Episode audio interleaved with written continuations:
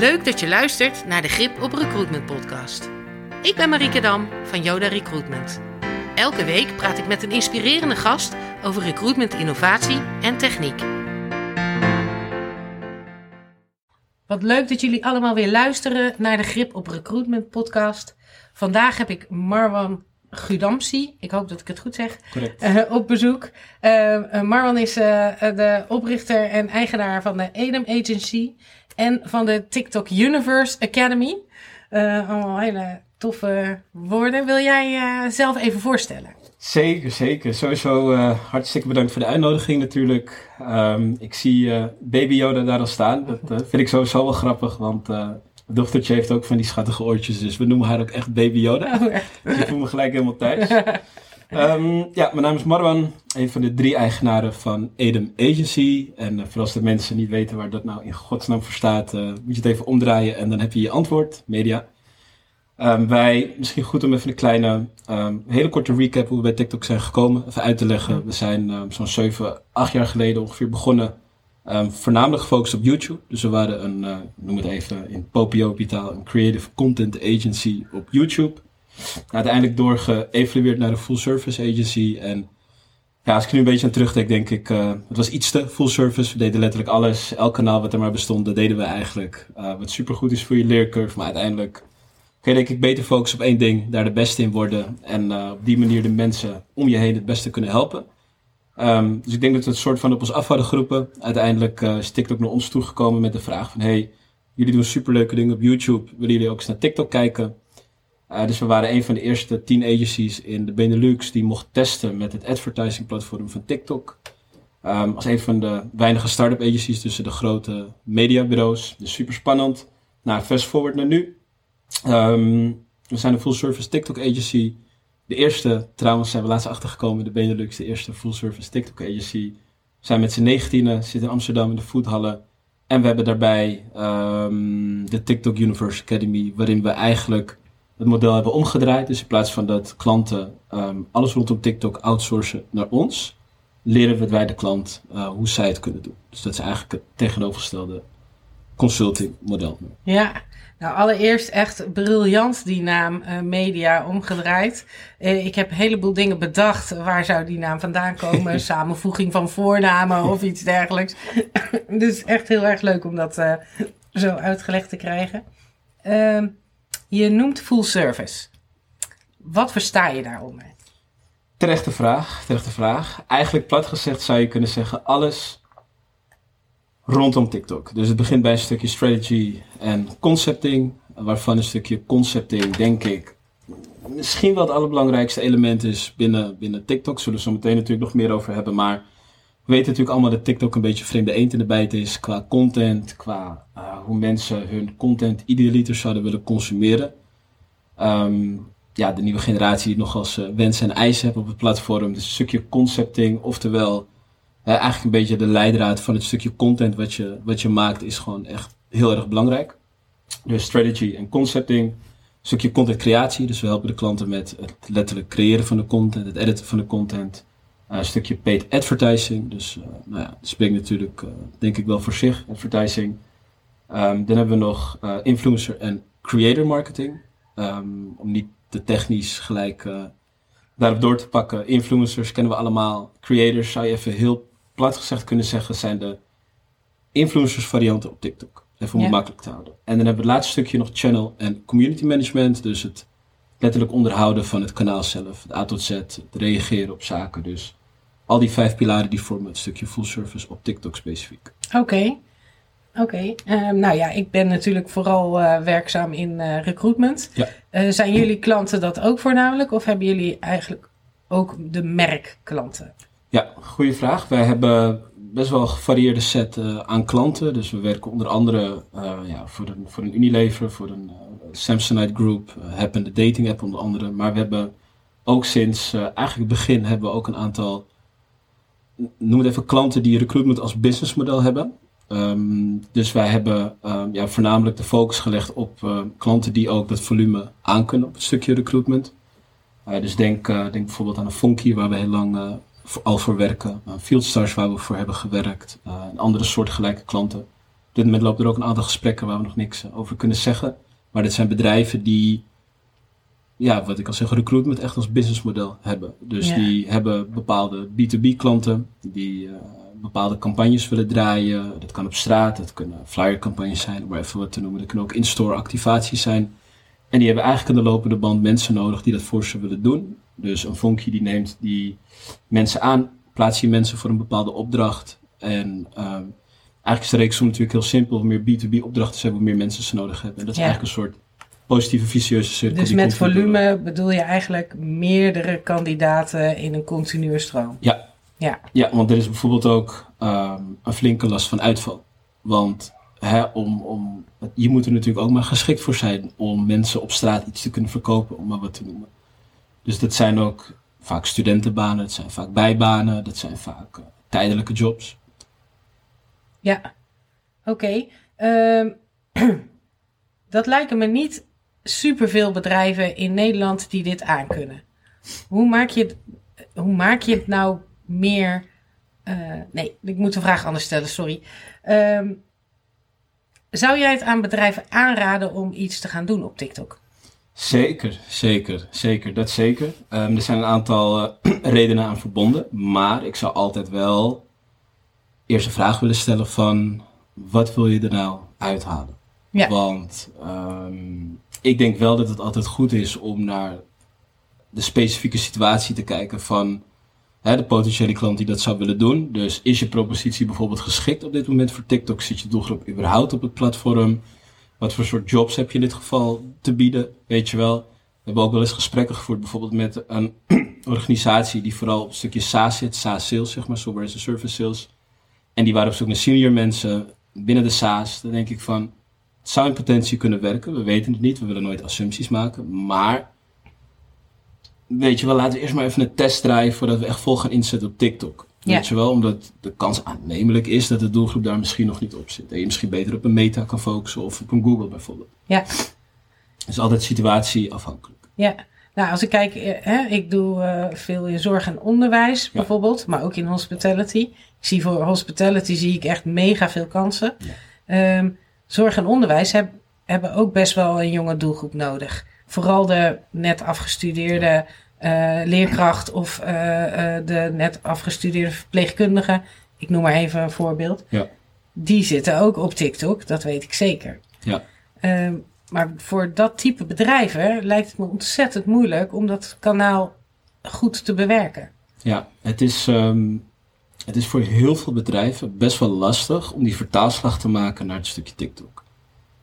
Um, het is namelijk zo dat eerst was het 9 van de 10 keer, nu misschien 7 van de 10 keer. Vaak nog de perceptie is dat de dansende tienermeisjes zijn in badkamers die allemaal challenges doen, weet je wel. En die stellen dan aan mij de vraag van, maar, waarom moet ik nou inderdaad in godsnaam op dat TikTok zitten, weet je wel. En als je het even high level bekijkt, is het eigenlijk, um, weet je, je, je, kan er gewoon niet meer omheen. Want, ik weet niet of je dat hebt meegekregen, Marieke, maar TikTok heeft meer traffic gehad dan Google afgelopen jaar. Dus dat betekent dat het Google van de troon heeft gestoten als nummer één meest bezochte website ter wereld.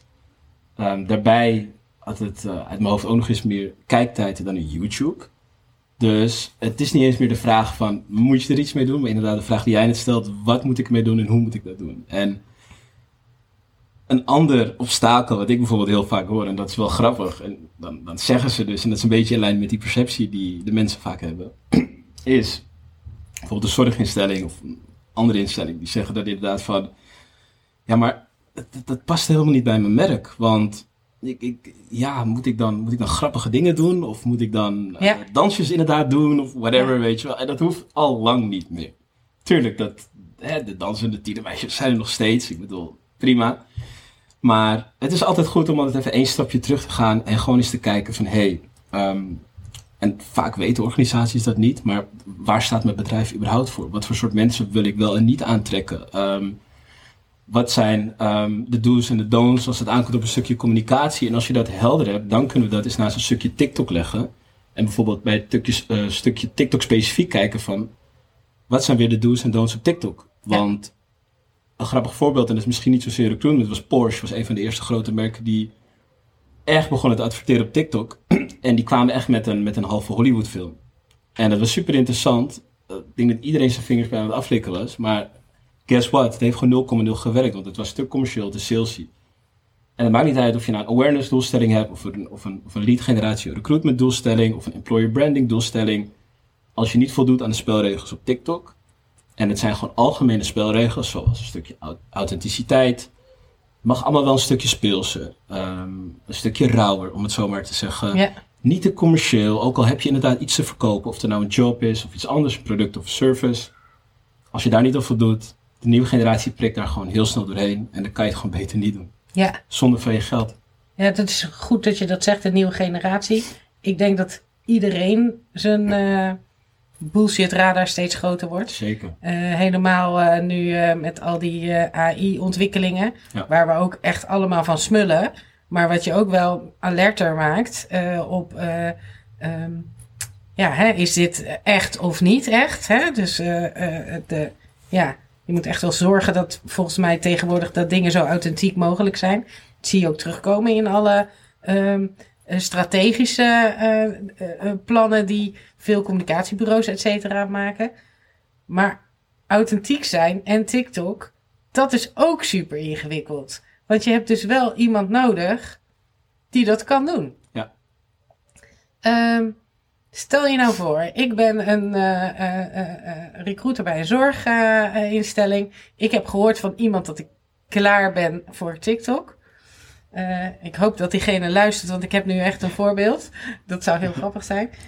en ik bel bij jullie aan. Wat zou je dan adviseren aan, aan diegene? Ja, ik zou sowieso zou ik diegene als eerste geruststellen dat alle zorgvuldig opgebouwde merkwaardes in de loop der tijd echt niet in gevaar komen. Dat is denk ik heel belangrijk om aan te geven. Dus het is, um, wat ik net ook al zei, van laten we eerst gewoon eens kijken, hè, wat zijn die merkwaardes nou echt? Want daar moeten we, die willen we zeker niet in gevaar brengen. Laat me dat voorop stellen. Vervolgens is het natuurlijk van belang om te kijken naar, uh, naar, naar de rol zelf. Wat houdt de rol in? Wat voor soort mensen zijn geschikt voor die rol? Wat zijn, wat zijn die criteria?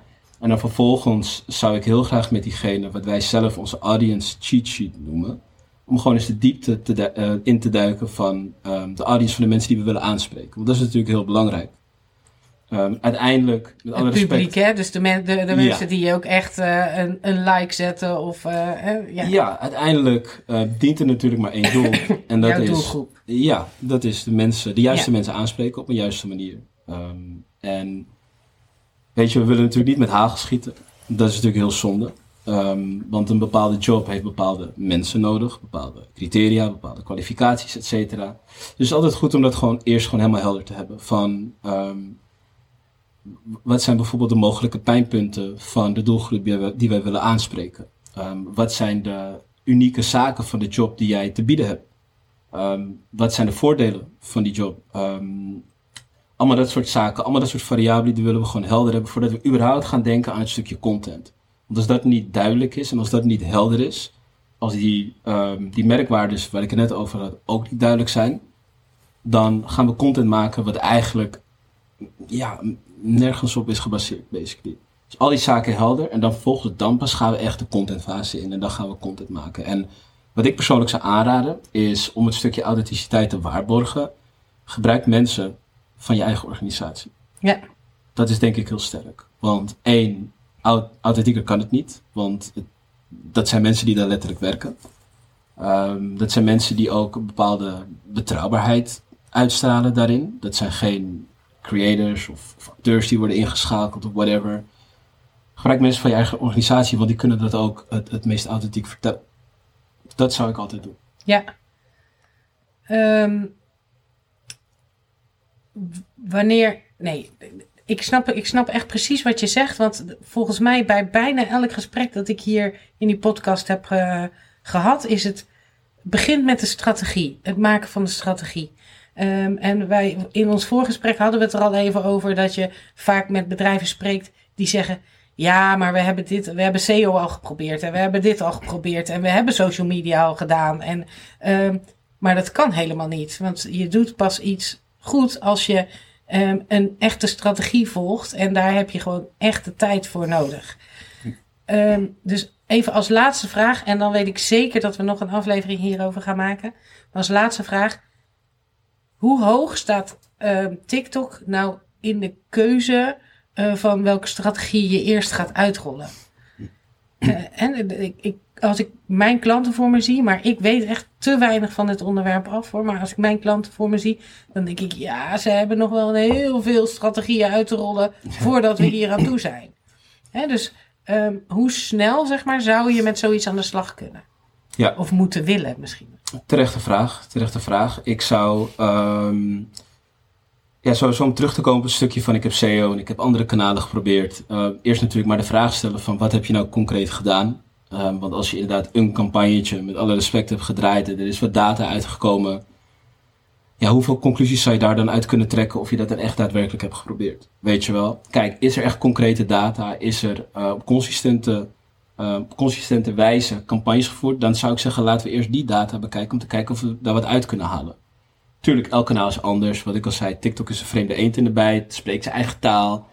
Heeft zijn eigen manier van hoe mensen idealiter content consumeren. Uh, dus ook zeg maar zijn eigen spelregels om mensen uiteindelijk te triggeren en te laten inschrijven voor een bepaalde rol. Maar het zijn natuurlijk ook wel aan de andere kant bepaalde marketinguitingen um, van een SEO, als dat correct is gedaan, of van whatever, wat voor kanaal dan ook, die we wellicht zouden kunnen gebruiken in ons voordeel. Want als wij bijvoorbeeld weten dat een bepaalde, bepaald stukje copy, dus een bepaald stukje tekst, heel goed past bij um, een ander stukje tekst, bij een bepaalde doelgroep, waarom dat dan niet gebruiken voor TikTok om een soort van kickstart te hebben? Ja. Dus dat zou ik sowieso altijd doen, om te kijken wat weten we al, uh, ja. wat zouden we wellicht al kunnen gebruiken om uh, ja, eigenlijk al 1-0 voor te staan wat dat betreft. Om concreet antwoord te geven op je vraag wanneer TikTok en hoe hoog zou dat moeten staan in je prioriteitenlijstje. Um, eigenlijk zou dat best wel hoog moeten staan bij heel veel organisaties. en dat is natuurlijk niet van wij van WC 1 te Raden WC 1 Maar um, het, het, heeft meer dan een miljard gebruikers. Meer traffic dan, uh, dan een Google. Dus het is altijd in ieder geval proberen waard. Of het ja. gaat werken concreet voor jouw bepaalde rol en propositie. Daar kan ik natuurlijk geen antwoord op geven, want we hebben nog geen data. Ja. Weet je wel, als het nieuw is, hebben we nog geen data. En dan zal ik ook nooit zeggen van, hé, hey, het gaat 100% werken. Nee, laten we het gewoon eens testen. Maar laten we eerst even kijken inderdaad van, is de, is de, zijn de, de jobs en de mensen die je nodig hebt, zijn die op dit moment wel actief op het platform? Want die data kunnen we gewoon heel makkelijk inzien. Als ik zou zeggen, wat voor soort, als we het even platleggen op een stukje leeftijd. Welke leeftijdsgroep is nou super interessant op dit moment op TikTok? Zou ik zeggen, de Holy Grail zit hem tussen de 18 en de 34. Ja. Dat is op dit moment, zou ik zeggen, de... de... Dat is denk ik ouder dan de gemiddelde luisteraar denkt. Ja. ja. En het grappige is, is dat... Um, ja, ik had vorige week nog gekomen met TikTok. En dan hebben we het onder andere over demografische veranderingen, et cetera. Over de ontwikkelingen en daar schrok ik zelfs wel een beetje van. En dat is dat um, de snelst groeiende doelgroep op TikTok zit tussen de 25 en de 41. Ja. Dat is de snelst groeiende. Dus dat betekent dat er ook een flinke veroudering aan het plaatsvinden is op het platform. Ja. Dus ook voor wat senior rollen en, en mensen met, met, met meer ervaring, niet zozeer net afgestudeerde, is er dus blijkbaar ook een interessant platform. Super. Nou, laten we alsjeblieft even doorpraten over uh, TikTok als uh, recruitment medium. Ja. Bedankt. Een kwartier gaat snel, merken we maar weer. Uh, ik spreek je graag heel snel. Alrighty, thanks. Bedankt voor het luisteren. Nieuwsgierig naar innovatieve recruitment technieken voor jouw organisatie? We helpen je graag. Kijk voor contactinformatie op de website van Yoda Recruitment. Tot volgende week.